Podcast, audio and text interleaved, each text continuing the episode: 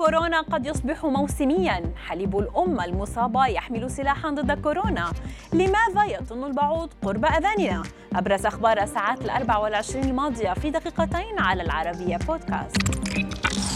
عادت فرضية أن انتشار فيروس كورونا سيصبح موسميا إلى الواجهة بعد أن عززها عالم فيروسات ألمانيون باريس معتبرا أن احتمال تبدل الوباء ليصبح موسميا يمكن أن يحصل بحلول الخريف أو الشتاء متوقعا أن يتكرر قدومه كل عام. وأضاف كريستيان دروستن أنه يعتقد أن عدد الحالات الإصابة بفيروس كورونا سترتفع بعد الصيف لكن يطمئن في الوقت ذاته من أن احتمال السيطرة عليه بواسطة اللقاحات ممكن جدا.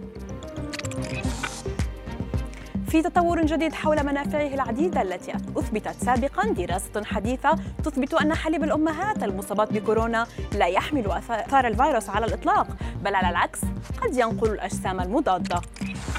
فالدراسة التي أجرتها هيئة الأبحاث الإسبانية الحكومية تبين أن حليب الأمهات المصابات بكوفيد 19 لا يحمل آثارا للفيروس لكنه في المقابل ناقل للأجسام المضادة وأوصت بالتالي بالرضاعة الطبيعية حتى في حال الإصابة.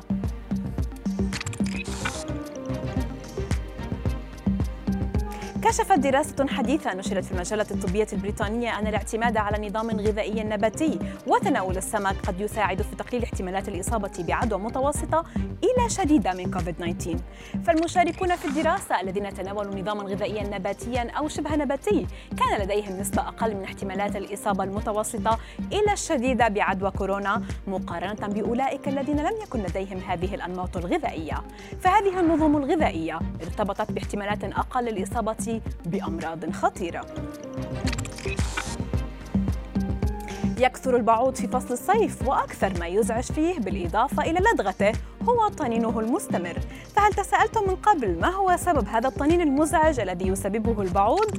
للإجابة عن ذلك كشف باحثون أن هذا الطنين هو في الغالب مجرد أثر جانبي لضرب أجنحة أنثى البعوض التي تحتاج إلى العثور على وجبة دم من أجل الحصول على الطاقة الكافية لإنتاج البيض فعندما تطير الأنثى نحو الهدف فإنها تضرب جناحيها حوالي 500 مرة في الثانية.